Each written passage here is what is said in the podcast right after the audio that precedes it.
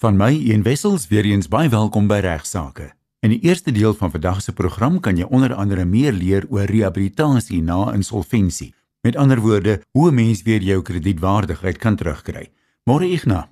Goeiemôre Ian, goeiemôre luisteraars, aangenaam om weer met u te gesels oor regsaake. Eerstens is ons gekontak deur eh, mevrou anoniem van Ferry Glen met 'n vraag wat ek dink tog vir almal van belang mag wees uh, of vir baie mense. Sy sê haar dogter is geskei. Sy dui dan ook aan dat haar dogter se man baie onverantwoordelik was en hom met baie skuld gelos het. Dis al jemmer so groot probleem.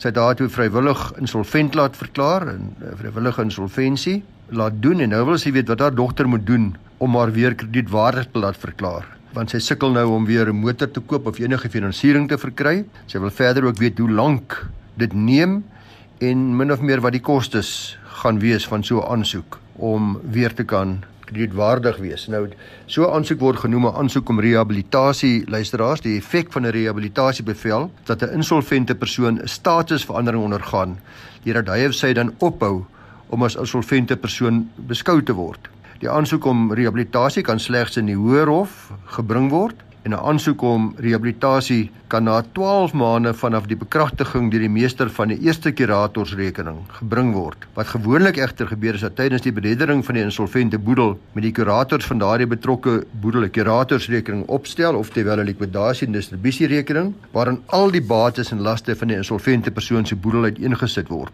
Hierdie rekening moet dan deur die meester van die Hooggeregshof bekragtig word en nadat 12 maande verstryk het vanaf die bekragtiging van die gemelde rekening, dan kan 'n persoon weer aansoek doen vir rehabilitasie. Maar indien 'n persoon reeds voorheen gesekwestreer was, met ander woorde 'n tweede sekwestrasie, kan hy of sy slegs aansoek doen vir so rehabilitasie nadat daar 3 jaar verstryk het na bekragtiging en indien hy of sy aan 'n bedrieglike handeling skuldig bevind was, dan kan so aansoek slegs gedoen word na 5 jaar verstryk het vanaf die dag van veroordeling. Nou 'n aansoek om rehabilitasie word gebring deur 'n beëdigde verklaring op te stel. In hierdie verklaring word onder andere die, die redes uiteengesit vir die insolventie en waar daar ook uiteensetting gegee moet word van die inkomste, die huidige inkomste en uitgawes op datum van die aansoek.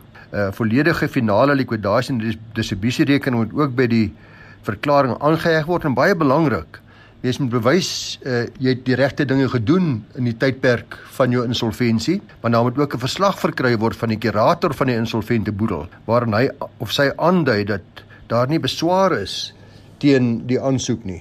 En hierdie verslag moet dan ook aan die meester van die Hooggeregshof versend word sodat die meester ook by ou einde verslag aan die hof kan doen verband met die toestaan van die aanbeveling van die rehabilitasiebevel al dan nie. Dis ook belangrik om daar te let dat na 10 jaar is daar 'n outomatiese rehabilitasie, dan hoef jy nie 'n aansoek te bring nie en ek weet nie die dame het nie gesê hoe lank terug haar dogter gesekwestreer was nie, maar daar's 'n outomatiese rehabilitasie na 10 jaar.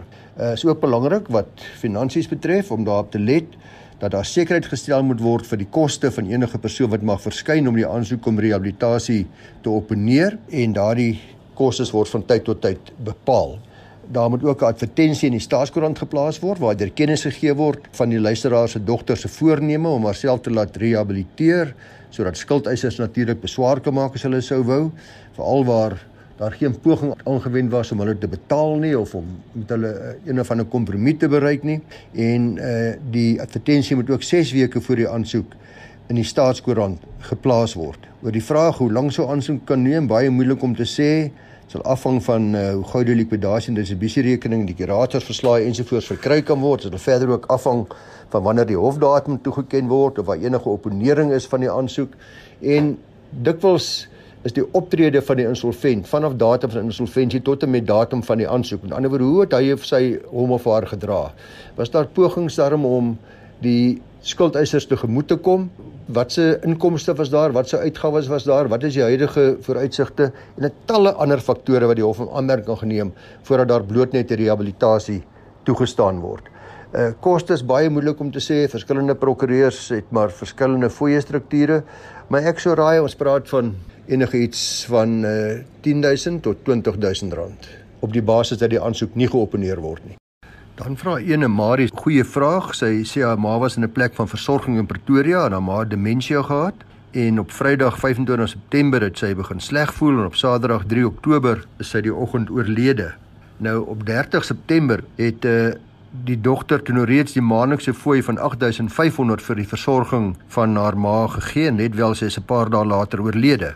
Sy sê na afloop van die roudiens toe sy weer terug was op die kantoor het sy die eienaar genader in verband met 'n moontlike terugbetaling van 'n gedeelte van die fooi omdat haar ma dan nou op 3 Oktober 3 dae na die einde van die maand oorlede is en daar is nou vooruitbetaal was vir die 8500 rand. En dan vra sy nou maar is ek geregtig op gedeeltelike terugbetaling of is die eis onregverdig van ons kant af? Want ek verwag nie 'n volle bedrag nie ek verwag slegs 'n gedeelte daarvan sy sê haar pa se pensionaris en het addisionele uitgawes gehad by die verrassingsdiens en paar rand wat terug kan kom kan baie behulpsaam wees nou Die antwoord is dat sodra mense normaalweg huurkontrak so 'n goeie voorbeeld. As ek op 'n maand tot maand basis huur, dan kan die verhuurder vanaf my verwag om minstens 'n kalendermaand kennis te gee van my voorneme om daardie kontrak te beëindig omdat daar natuurlik vooraf voorsiening gemaak word dat daar in die geval van 'n huurkontrak dat daar okupasie sal wees vir daai maand en ek moet nou weer nuwe huurders vind ensovoorts ensovoorts. En daar's uitgawes wat daaraan gekoppel is en ek glo dat die antwoord hier presies dieselfde is. Dis 'n maandelikse fooi wat betaal word. Dit word maandeliks betaal op die basis van dat daar minstens dan ook wat my betref een maand kennis gegee moet word van voorneme om daardie ooreenkomste te beëindig en die ongelukkige afsterwe verander dit ongelukkig nie. Dit mag natuurlik wees dat in die ooreenkomste wat daar tussen uh die kliënt en die versorgingsplek is, daar voorsiening gemaak is vir wat gebeur by afsterwe gedurende die maand, maar as dit nie so is nie, is ek bevrees dat dit nie die moeite gaan werd wees vir hierdie luisteraar om stappe te neem om 'n deel van hierdie vooruitbetaalde fooi te verhaal nie. Ek hoop dit help Marie. Ek ontvang 'n handgeskrewe skrywe vanaf Lourens. Nou dink hy mos waarskynlik altyd 'n A++ vir handskrif gekry het. 'n Pragtige handskrif. Hy sê my naam is Lourens. Ek soek asseblief dringend raad of hulp. My ma is op 20 Augustus 2020 oorlede. Sy het 'n testament by 'n bank gehad. Ek en my vrou het saam met my ma gewoon. Sy het haar huis aan my bemaak in haar testament. Ongelukkig is daar geen geld in die boedel om dit af te handel nie. My ma het net 'n SASSA pensioen gekry. Sy het geen skuld of enige ander besittings gehad nie behalwe haar bietjie meubels, bed, hangkas, klere ensovoorts. Ek werk as 'n sekuriteitsbeampte sê Lourens en kry minder as R4000 per maand. My vrou werk glad nie. Die dame van die boedel by die bank het gesê dit sal ongeveer R64000 kos om hierdie boedel af te handel sonder om die huis te verkoop. Ons het nie die geld nie en hulle het intussen afstand gedoen van die boedel. Die bank wil nie meer die boedel hanteer nie hulle is nou nie meer eksekuteurs nie, so 'n nuwe eksekuteur moet nou gevind word. Die huis is ons enigste bate en ons het hard daarvoor gebid en ons kan dit nie verloor nie. Dan sit ons op straat. Asseblief, kan nie help met raad vir ons sê wat ons te doen staan. Nou ongelukkig is daar geen maklike oplossing vir hierdie luisteraar nie, want wanneer daar 'n kontant tekort in 'n bestorwe boedel is, dan word die eksekuteur en die erfgename gewoonlik gedwing om bates uit die boedel te verkoop ten einde die kontanttekort te dek. In hierdie geval wil die luisteraar graag die huis behou en blyk daar geen ander verkoopbare bates te wees nie. Uh, ek hanteer graag hierdie aangeleentheid saam met die boedelspesialis Volker want dit is ook 'n goeie les vir almal van ons wat vandag luister om seker te maak dat daar nie kontanttekort in die boedel is by afsterwe as u nie wil sien dat u bates verkoop word nie. Een moontlikheid sou die aangaan van 'n lening wees Die huis kan dan as sekuriteit gebruik word vir die lening. In so 'n geval sal 'n verband geregistreer word ten gunste van die bank tesame met die oordrag van eiendom aan die erfgename of die erfgename.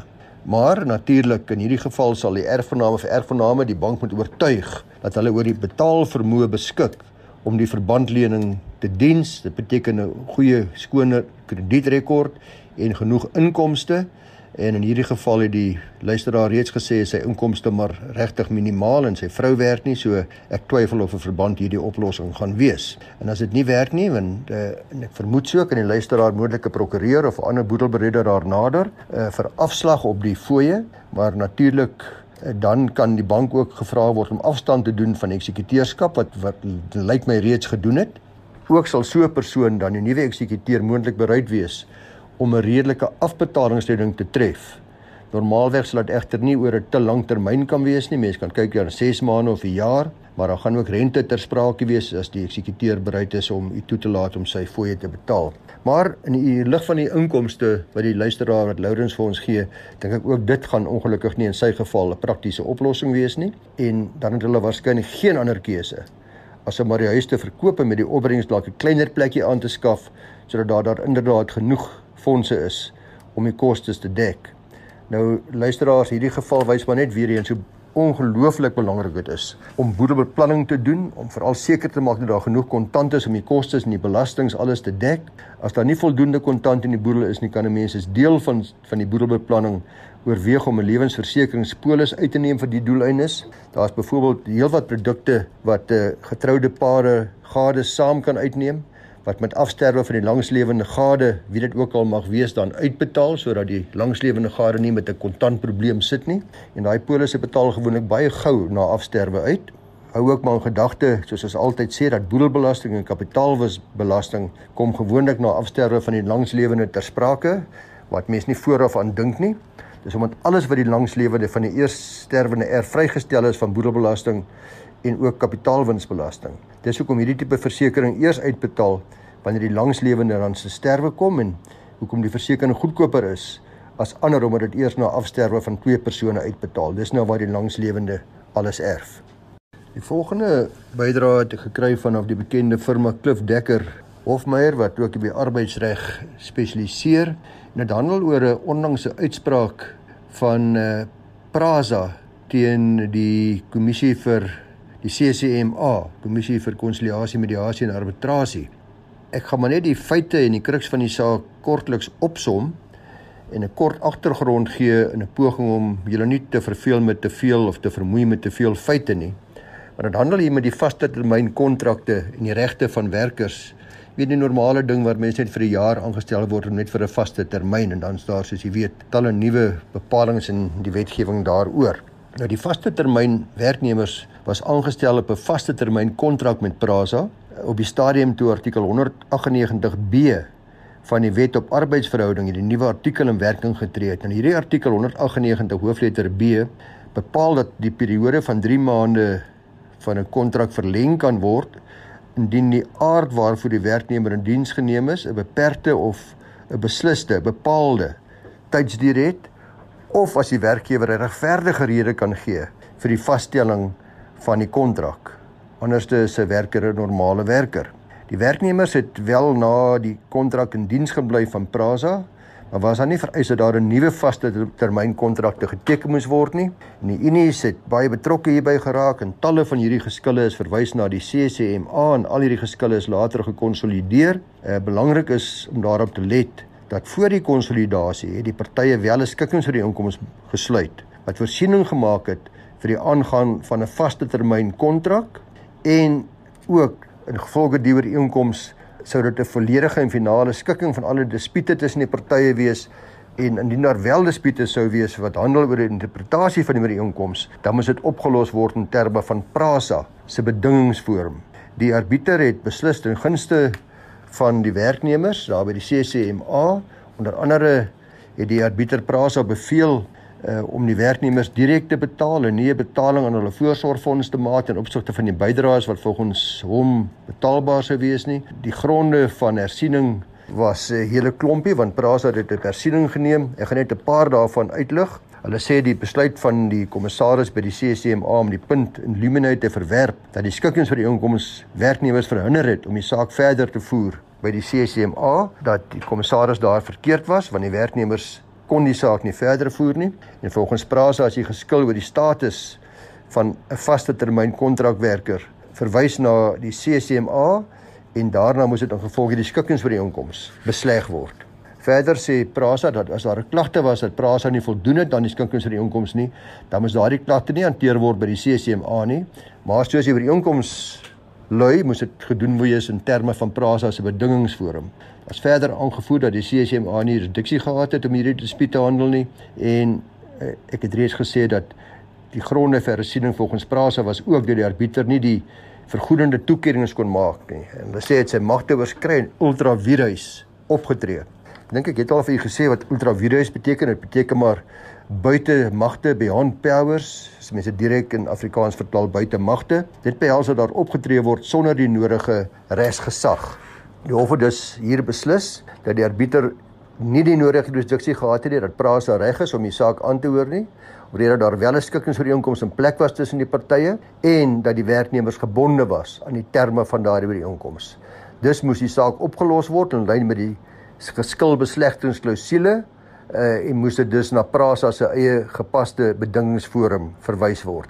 Die hof het verder beslis dat die arbiter nie kon optree by die CCMA nie op sterkte van artikel 198B kon die arbiter nie substantiëre verligting in terme van vergoeding en voordele toegestaan het nie omdat die arbiter ultra vires opgetree het want artikel 198b het te doen met vaste termyn kontrakte en was nie van toepassing op werknemers wat reeds permanent in diens was nie. Verder het die hof beslis dat die arbiter verkeerd gehandel het met die saak en voortgegaan het asof daar 'n onbillike arbeidspraktyk plaasgevind het. Deur dit te doen was daar dus grove onreëlmatigheid in hierdie hele CCMA saak. So die hof het die hersieningsaansoek bekragtig en die bevele van die arbiter tersyde gestel. Jy luister na regsaake op RSG. In die tweede deel van vandag se program gesels na onder andere oor probleme met 'n vruggebruik. 'n Ma en seun het saam 'n huis gekoop wat in sy naam geregistreer is, maar sy het 'n vruggebruik. Kan sy hom uitskop? Kom ons hoor. Ek het die afgelope jare wat nogal meer gereeld navraag gekry oor vruggebruik en probleme met vruggebruik en wat presies beteken dit en wie betaal wat ensovoorts. Nou weer 'n luisteraar wat anoniem dringend raad vra. Hy sê ek het jou raad dringend nodig. Ek en my moeder het 'n woning kontant gekoop. Die eienaam is in my naam geregistreer en ons het omdat ons dit saam gekoop het 'n lewensreg vir vruggebruik in haar naam laat registreer. Nou sê hy dreig my ma my elke keer as ek nie na haar pype dans nie.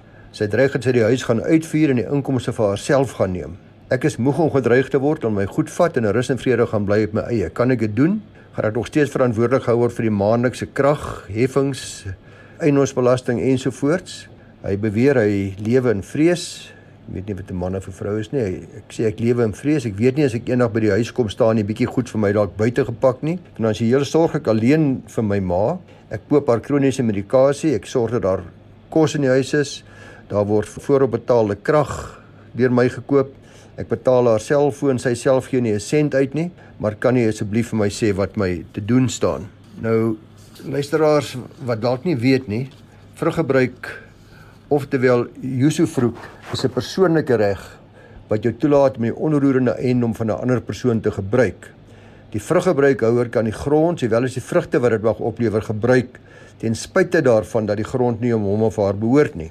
So vruggebruik moet onderskei word luisteraars van die ander twee maniere waarop 'n mens 'n ander persoon se goed kan gebruik, naamlik usus of habitatio. Nou usus is 'n gewone gebruiksreg wat die houer daarvan net toelaat om 'n eiendom van ander te gebruik, maar nie die vrugte nie. So net die eiendom self kan byvoorbeeld nie die vrugte van die huis soos vir die huuringsgeld ensovoorts gebruik nie. Habitatio aan die ander kant verskaf 'n bewoningsreg aan die houer daarvan as ook die reg om die eiendom uit te vuur. In die luisteraar se geval woon hy saam met sy ma in die eiendom, maar sy sê kort kort dat sy die eiendom gaan verhuur. Indien sy dit doen, dan sal die luisteraar ongelukkig genoodsaak wees om die eiendom te verlaat en sy het die volle reg om dit te doen as vruggebruiker. In 'n saak van Hendriks versus Hendriks en ander, uh, dis 'n saak hierso in 2016 in die Appelhof, het die Hoogste Hof van Appel bevestig dat die houer van 'n uh, bewoningsreg habitatio die reg het om die eienaar van eiendom uit te sit. In ander woorde, die reg van die habitatiehouer verdien voorkeur bo die reg van die eienaar. Alhoewel hierdie saak gehandel het met habitatio is ek is op my geen twyfel nie en ek sien dat hy uh, Janus stem met my saam dat die beginsels direk van toepassing sal wees ook op 'n vruggebruik. Maar in ons luisteraars se geval is hy egter meer bekommerd oor die aanspreeklikheid vir munisipale belastings en heffings. Hy sê hy wil eintlik by die huis weggaan. Hy wil eintlik wegkom. Hy wil weet wie wie gaan dan nou betaal want oomblik betaal hy. Met ander woorde, sy vraag is of hy is bloot 'n eienaar van die huis. Onthou, hy is die eienaar. Sy naam geregistreer en sy ma is die vruggebruiker.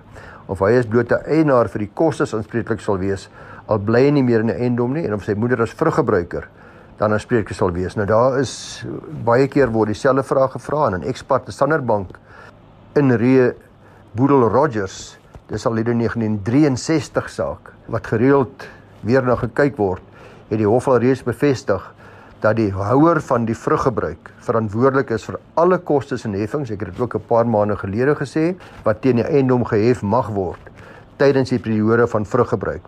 Hierdie algemene reël sal geld behalwe waar die dokument wat die vruggebruik geskep het dit anders bepaal wat hoogs onwaarskynlik is. So in die Estate Rogers saak het die hof ook bevestig dat die vruggebruiker, dis die ma hierso wat dan nou alleen daar gaan bly, as hy loop, alleen verantwoordelik is vir die redelike onderhoud van die eiendom Dit beteken nie dat die vruggebruiker herstelwerk hoef te verrig nie, maar die eiendom veral weens die verloop van tyd uh agteruit gaan nie met ander woorde normale slytasie nie, maar die vruggebruiker moet sorg dat die dat dit wat nie deur normale slytasie en gebruik agteruit gaan nie, dat dit in stand gehou en herstel word. Die kort en lank is met ander woorde luisteraars en in hierdie luisteraar spesifiek dat hierdie moeder wel haar seun kan verhoed om in die eiendom te bly as hy sou wou en eiendom self uitverhuur soos hy dreig ten spyte daarvan dat hy die eienaar van eiendom is en verder dat as hy wel besluit om die eiendom vrywillig te verlaat soos wat hy dreig om te doen, dan hoef hy nie bekommerd te wees dat hy verantwoordelik gaan wees vir enige betalings nie. Uh sy ma gaan dan daarvoor verantwoordelik wees. Dit besluit die eiendomsbelasting in en ook die heffings en die verbruik van water en ligte. Indien sy net 'n gewone gebruiksreg gehad het, soos ek nou nog gesê het, gewone oesoes, dan sou die, sy nie die regte die regsbevoegdheid gehad het om die eiendom uit te verhuur nie. So in plaas van vruggebruik kan mens ook soms aan iemand net die gewone gebruiksreg gee, oesoes gee. Uh, in daardie geval sou die maar dan ook aan uh, die maasel dan ook aanspreeklik wees vir die munisipale kostes soos bepaal maar sy sal nie geregtig wees om die huis uit te vuur nie. Anderswoorde geen vrugte nie. Maar ek dink in hierdie geval is dit 'n gewone vruggebruik soos dit maar 9 uit die 10 gevalle is. Fred Beck van Springs begin sy e-pos met 'n baie dankie vir 'n insiggewende, leersame, genotvolle program. Hy sê hy weet eintlik klaar die advies gaan wees om 'n prokureur te gaan spreek, maar miskien sal luisteraars met dieselfde probleem wel baat kan vind. Skryf as volg: Hy sê seun wou graag 'n voertuig koop. Hy kan dit bekostig, maar hy is nie kredietwaardig nie. Pa word nou genader om die voertuig op pa se naam te koop. Dit gebeur dikwels dat mense dit vra van iemand anders. En seun sal dan maandeliks die paemente, die versekerings, die lisensie, die instandhouding betaal as ook lewensdekking op pa se lewe. Aftrekkings gaan egter deur pa se tjekrekening en word getrou deur die seun terugbetaal. As pa dus te sterwe kom, is die voertuig ten volle betaal. Maar pa besef egter dat dood nie baie uitsoekerig is nie. So dit kan enige tyd gebeur en dring daarop aan dat die seun ook 'n lewenspolis met ongeskiktheidsvoordele ensovoorts in sy eie lewe uitneem en die polis aan pa se deur. Dis gedoen en pa sal die balans op die voertuig aflos dus indien seun te sterwe kom oortollige geld sal dan na seun se ouers gaan, maar daarom al deur baie diep waters is vir die seun. Alles loop mooi tot pa besluit dat ouers se testament daarom baie lank daar's op datum gebring is. En hy kom toe agter dat hier nou 'n bietjie 'n ongemaklike voertuig is. Die voertuig wat op sy eie naam is en wat eintlik nie iewers in 'n testament inpas nie. Wat moet hy nou maak met daai voertuig wat op sy naam is? Nou hy sê daar spruit 'n verskillende vrae uit, veral ten opsigte van die ander erfgename uh dat pa nou verragtig nie meer weet wat die pad vorentoe is met hierdie testament nie. En nou vra hy moet die voertuig op die stadium in 'n testament omskryf word net eenvoudig maar net weggelaat word? Of indien die voertuig omskryf word wat sal dit beteken? Want dit is nie eintlik regte gebate nie. Uh, en uh, ek het die vraag vir Volker Kreer daarby van Velden en Duffy gegee om te beantwoord. Hy's 'n boedelspesialis en hy sê hy dink daar sou twee opsies wees vir die hantering van hierdie probleem Eerder is om 'n dokument saam met die oorspronklike testament te bære wat die feite in die luisteraar se e-pos uiteensit en bevestig en hy kan dalk sommer die e-pos wat hy vir ons gestuur het gebruik want daar word dit mooi uiteengesit en en sal pa dus in die luisteraar se geval te sterwe kom dan sal die testament gelees word en sal daai dokument ook onder die aandag van die familie en eksekuteur kom en hulle kan dan sien by die beredering van die boedel dat die bedoeling was dat die seun die voertuig kry.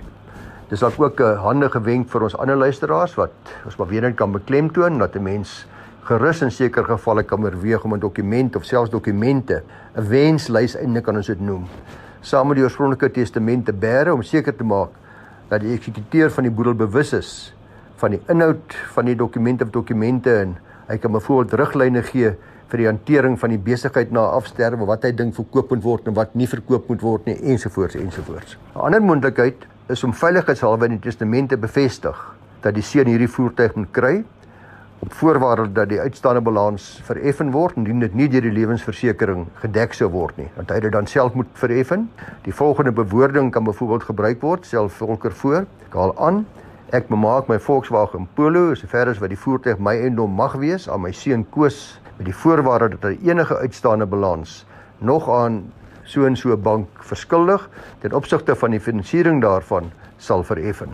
Die luisteraar raak ook 'n uh, ander beginsel aan luisteraars wat ek glo ons moet bespreek en dit is die ooreenkomste met die bank of ander finansiële instellings wat die voertuig se aankoop finansier. Uh, Daar's geen twyfel dat normaalweg hierdie ooreenkomste baie duidelik is dat die voertuig aangekoop word uh, deur 'n kliënt en dat niemand anders soos 'n familielid mag help om finansiering te kry nie.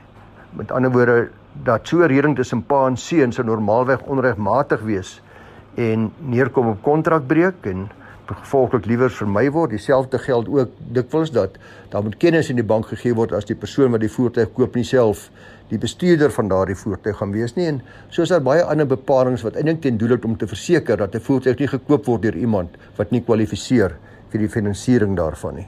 Soos altyd baie dankie Ignas. Regsaake word moontlik gemaak deur die Prokureursorde van Suid-Afrika. Jy kan jou regsvrae vir beantwoording direk vir Ignas stuur. Sy adres is igna@ffd.co.za. En onthou as jy nie maandag 11:30 na regsaake kan luister nie, elke program is ook beskikbaar as potgooi op RSG se webwerf, rsg.co.za. Mooi loop tot volgende week.